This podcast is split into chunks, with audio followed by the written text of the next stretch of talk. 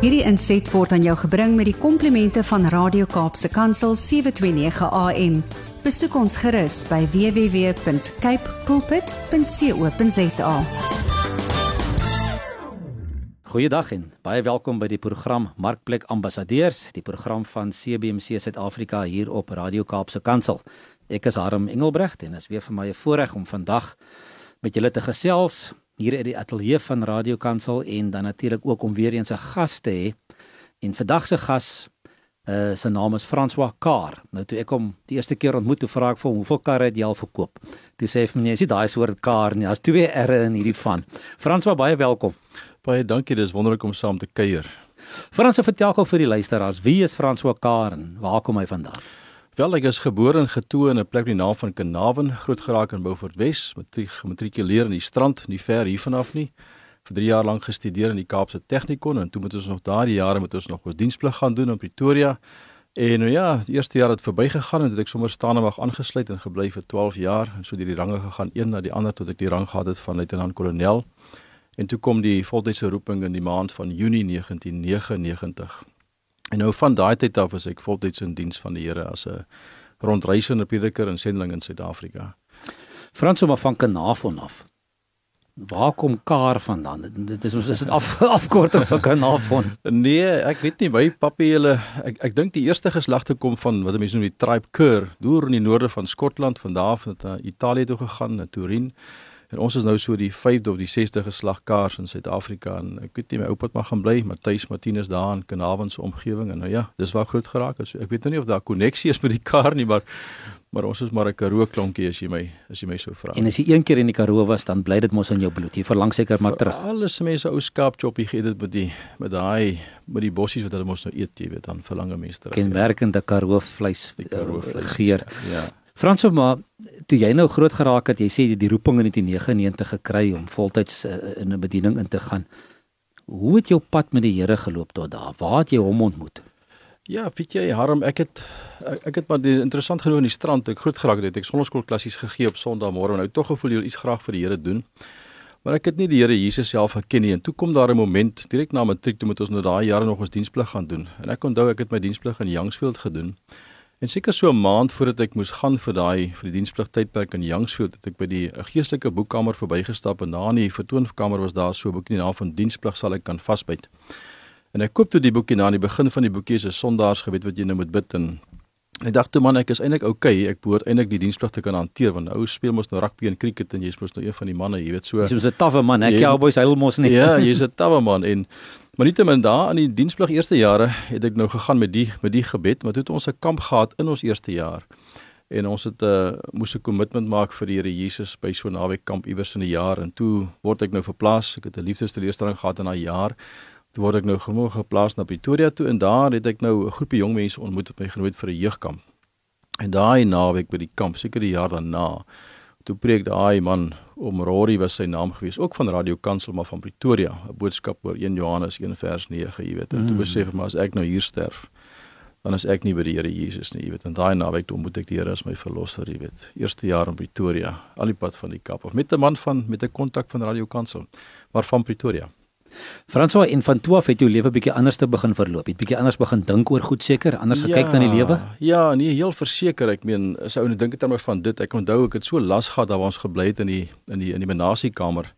Ek het vir die generaal toestemming gevra of ons maar kan begin met 'n koffieshopie daar aan die binnekant. Dit het ons nou al jong mense genooi wat soos ons gedink en gevoel het want ek kan nog onthou toe ek daai naweek terugkom van van daai naweek kamp of het ek my sigarette gaan weggooi daar in die drom en ek het my laaste drankbottel uitgedruk daar by die by die wasbak en die ou se lewe van anders. Het hom darm nie uitgedrink voor jy hom weggegooi nee, het. Ek het hom ek het hom uitgegooi. Dit moet daar by die wasbak uitgegaan, jy weet, maar dit alles verander. Alles is nuut. Jy dink nuut jou jou lewe is nuut, die vrede in die hart, die rustigheid, die blydskap en dan hierdie wete dat jy net weet omdat jy weet jy gaan hemel toe as jy doodgaan.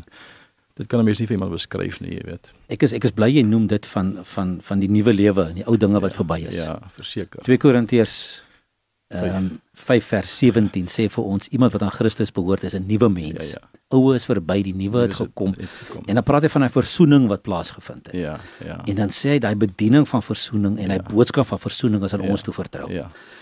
Is dit min of meer wat jy gevoel het in 1999 ja, dat jy daai bediening en daai boodskap moet begin uitdra? Verseker, verseker. Ek onthou ons het daar by die koffiewinkel het ons 'n Toe sy my gevra het, sê maar ons wil ons wil graag 'n velddag hou en ons het nou die maandag aand te diens en dinsdag en woensdag en donderdag en vrydag gereël. Twee sprekers het Rodney Shield nog gepreek oor popmusiek en die oud gepraat oor satanisme en dien oor die New Agers en twee evangelie boodskappe. Toe sê maar ons kan nie vir jou plek gee nie, maar ons gee vir jou plek in die kroeg gee van die menasiekamer. Maar 5 tot 7 dan moet die diens klaar wees van 7 begin die manne kuier vir die aand, jy weet. So onmiddellik daai die ding wat in jou hart leef, jy wil graag hê almal moet ook ervaar die vrede en die rus en net die wete dat jou saak nou met die Here reg is, jy weet. So onblikklik. Nee, onblikklik is daar 'n behoefte om uit te reik na ander mense.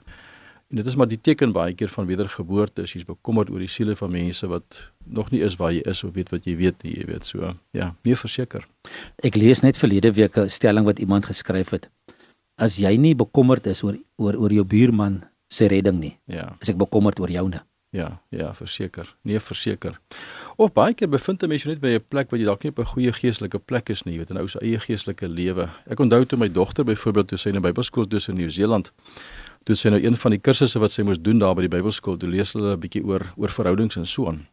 En toe sê die prinsipaal vir hulle die volgende, toe sê sy maar Ehm uh, jy moet nooit met 'n gelowige uitgaan nie. Of you must never date a Christian. Christians are no good. Dis die woord wat sy gebruik het, jy weet. Toe kom sy terug, vra maar hoekom? Dis sê pappa man, maar baie Christene is nie op 'n goeie plek nie. But you must date a growing Christian. Hmm. En baie gelowiges hak dalk iewers langs die pad vas met 'n ou sondetjie of daar's bitterheid of onvergewensgesindheid of ietsiekie. So hy staan eintlik stil in sy lewe dan gaan hy maar net hierdie vergewe die Engels oor die emotions van kerk toe gaan en van Bybel lees bid en en, en self dit maar maar jy groei nie geestelik nie. So jy moet eintlik as daar iewers langs die pad 'n plek kom wat jy vashak met ou maar kyk wat is die oorsaak daarvan, jy weet. Franswa die die bediening van CBMC is is is is um, baie geskoei op disipelskap, disipelmaking en geestelike ja. groei. En terwyl jy dit nou noem, Ja. dis ook iets wat jou na in die hart lê, né?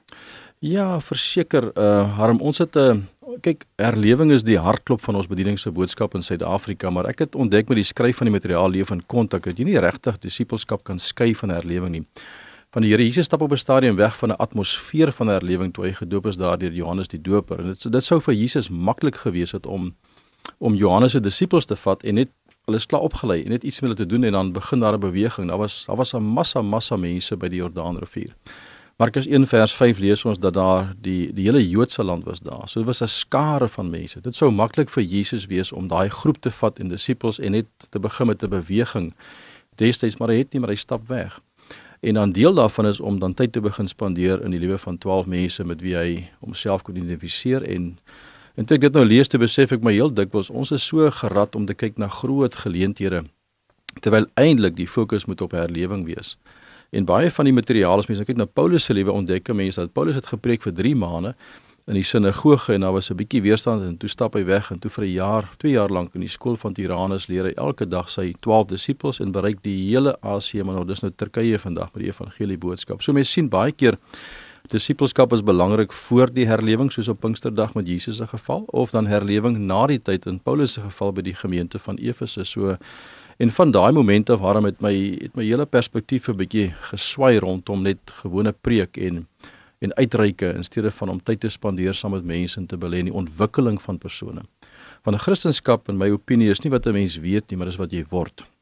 So Jesus kyk na elkeen van ons vandag en sien die potensiaal van wat ons nie van wat ons weet nie, maar van wat ons word in ons geestelike lewens. En dan as 'n mens kyk na sy model van transformasie, ontdek 'n mens dat Jesus het sy disippels geneem en en letterlik daai die die beginsel van hulle name is geskryf in die boek van die lewe in Lukas hoofstuk 10 So hy neem 'n 'n bekeerling en hy maak hom 'n volgeling, 'n student, hy maak hom 'n werker en hy maak hom 'n leier.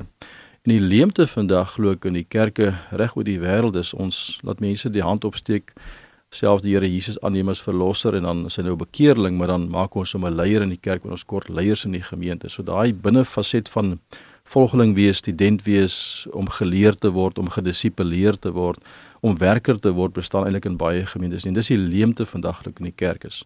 So disipelskap is vir ons baie na aan die hart tans in ons bediening in Suid-Afrika. Dit is so dat jy nie 'n uh, huis se dak kan opsit voor jy nie die mure gebou het nie. Ja. En dit lyk baie keer my ons wil die fondasie gooi en sommer dadelik die, die die dak opsit. 100%. Ons ons ons ons skiep en ek praat baie keer met mense dan ek het nou ek was nou die voorreg gehad om laasweek in Mauritius te wees en en en Saterdag daar op te getree het. En ons het daar met die ouens gepraat en en weer die storie vertel van weet wat wat gebeur met 'n pasgebore baba. Ja. Die ma vat hom nie huis toe en los hom daar in die babakamer Nee. en sê vir hom luister daar's jou kas met doeke en daar's jou kas met bottels Ja. Help jouself, ek sien jou oor 'n jaar. Ja. En dis baie keer wat ons wil doen met 'n nuutgebore Christen, Ja, nê. Ons ja. wil ons wil vir hom sê, Ja. "Dit lees jou Bybel, bid elke dag. Gaan kerk Ja. toe en dan sien ons jou weer oor 'n oor 'n jaar of twee." Ja. Daai aan die hand vat en hy pad loop en hy persoon is is tog so belangrik. Dis dis dis disipelskap. Dis presies wat dit is. En daarom kom die Here Jesus ook en sê vir ons in Matteus 28 gaan gaan leer hulle alles wat ek vir jou persoonlik geleer het en ek sal met jou wees tot aan die einde van die tyd. En dis tog ook vir Timoteus in 2 Timoteus 2 vers 2, nê, wat Paulus vir Timoteus sê. Dit wat jy vir my gehoor leer het Ja. vir baie getuies, Ja. moet jy gaan toevertrou aan betroubare en bekwame manne. Wat Wat wie- wat weer vir ander Ja, kan gaan leer. ja, Dis ja. presies dieselfde beginsel. Ek wil ook terugkom na Kolossense 1 vers 28 wat Paulus geskryf het. Jy's hom verkondig ons. Hmm. Ons doen dit deur elke mens te waarsku met alle moontlike uh, en met alle moontlike wysheid te onderrig. So wil ons graag elke mens in 'n vol, volmaakte verhouding uh, met Christus voor God laat staan. Ja. Tog so belangrik, maar dan ook daarmee saam sê hy hy doen daai werk met die krag van God wat in hom werk. Hmm. Weet jy as toe ek die die materiaal skryf leef van kontak was dit juis was daar weer twee gedagtes wat my baie na dink het oor dit in steede van net die boodskap van herlewing en disipelskap. En een was 'n ervaring wat ek gehad het in Woester by 'n konferensie 'n paar jaar gelede. Toe Dr. Blackaby daar by ons opgetree het by 'n konferensie, praat hy oor die sewe dinge waarom dan nie herlewing is in Amerika nie. En eintlik maar ook vir ons nie in Suid-Afrika nie. Maar toe quoteer hy 'n teksvers Johannes 15 wat hy sê maar as jy in my bly en my woorde in jou, sal jy vra wat jy wil en ek gaan dit vir jou gee sê Jesus. En En daardie woordjie het so vasgeslaan in my hart. Maar terwyl ek oor pyn terwyl hy preek, kom die gedagte van Romeine 8 in my hart op dat die dat die doel van ons Vader is om ons te vorm om so die Here Jesus te word, gelykvormig aan die beeld van sy seun. So hierdie twee gedagtes is in my hart nou die heeltyd en en na afloop van die konferensie toe gaan koop ek vir my Engelse Bybel en al die woorde van die Here Jesus is mos in rooi geskryf baie keer. En hy sê mos as jy in my bly en my woorde in jou. Toe maak ek nou 'n studie van die woorde van die Here Jesus. Wat het hy gesê? Matteus, Markus, Lukas en Johannes en En wat het Jesus, wat was sy opdragte wat hy gegee het vir sy disippels uit daai rooi woorde uit? En Jesus se manier van praat en van doen en van lewe. En toe ontdek ek byvoorbeeld in Johannes hoofstuk 8 staan daar geskrywe dat die seun van die mens kan net praat wat die seun van die mens gehoor het. So alles wat Jesus met die mond gesê het, het hy by sy Vader gehoor. En dan die vraag is, is dit regtig moontlik vir ons vandag om ook so te kan praat wat ons hoor? En die antwoord is ja.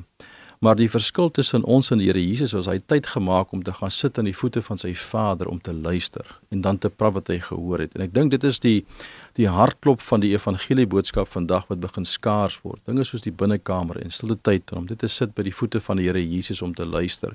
Het vir my 'n dryfkrag geraak om hierdie materiaal te skryf. En dan veral hierdie hierdie belangrike opmerking wat Andrew Murray gemaak het van Woester destyds. Hy sê een van die grootste hindernisse vandag van herlewing in die kerk is die feit dat baie mense het intimiteit met die Here Jesus vervang met Bybellees en bid.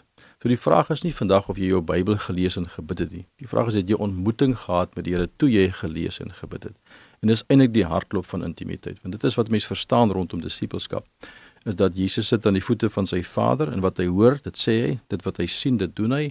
En dit net vir 'n oomblik daarom die die potensiaal van elke gelowige in Suid-Afrika wat in die môre wakker word en tyd spandeer saam met Jesus en sy stem hoor en en miskien as jy iets verkeerd gedoen het om dit te gaan regmaak met 'n persoon of as dit 'n sonde is om dit te gaan bely en te laat staan. Wat kan nie gebeur in Suid-Afrika as ons begin leef en optree en praat soos die Here Jesus in elke faset van ons lewe. En dis die hartklop tog van disippelskap. Wat jy sê pas so presies in by wat CBC se bediening oor Ja, gaan. ja. En en en ons kyk ook na spesifiek ehm um, na die na die uitleef van ons ambassadeurskap vir Christus Verseker. ook in die werkplek. Verseker. En en die een van die en die eerste eienskap wat wat wat ons na kyk altyd is om daai om te leef daagliks in intimiteit met Christus. verseker. En dit ja. begin nêrens anders as in die binnekamer nie, Ja, né? verseker. Dis wat Jesus vir Martha en vir Maria gesê het. Martha is onrus oor soveel dinge. Maar Maria kies die een ding, sy kom sit aan my voete om na my stem te luister. En dan as mens nou juist praat van disippelskap in Markus hoofstuk 3, dan staan daar geskryf van Jesus het by die berg opgeklim en afgekom en dan die 12 geroep, dan hierdie woordjie sodat hulle by hom kan wees en hy het dan uitstuur om te gaan preek siekes gesond te maak. So ons eerste verantwoordelikheid as gelowige en geestelike leiers om te leer wat dit is om by Jesus te wees en net gemeenskap met hom te hê. Sy stem te hoor en tyd te spandeer saam met hom, net omdat dit vir hom lief is met ander woorde. En dit is eintlik die fondament van alles. As mens gaan kyk na Jesus se gebedslewe byvoorbeeld, dan kan 'n mens letterlik sy hele gebedslewe kan 'n mens in 'n paar kategorieë kategoriseer, maar die fondament van al 10 goed wat hy gesê en geleer en gedoen het oor gebed is by Mark Matteus hoofstuk 7 wat gaan oor die binnekamer. Dis die fondament van alles. En daarom is dit so belangrik om te praat oor hierdie ding vir ons as sakemanne. Hoe gaan 'n sakeman se geestelike lewe lyk as hy spandeer tyd saam met. Ek het onlangs gelees van 'n akteur in Amerika wat sê hy kan nie hy kan nie in die dag ingaan as hy nie vroeg in die môre opstaan om tyd te spandeer om sy Bybel te lees en verskeie dagstukkie boeke en te bid en die Here te vra om te help vir die dag nie. En toe sê hy die volgende, toe sê hy maar dit beskerm en bewaar hom in die dag van die verkeerde besluite en van die rolle wat hy moet aanneem om te speel selfs in Hollywood. Baie bekende persone in Amerika op die oomblik.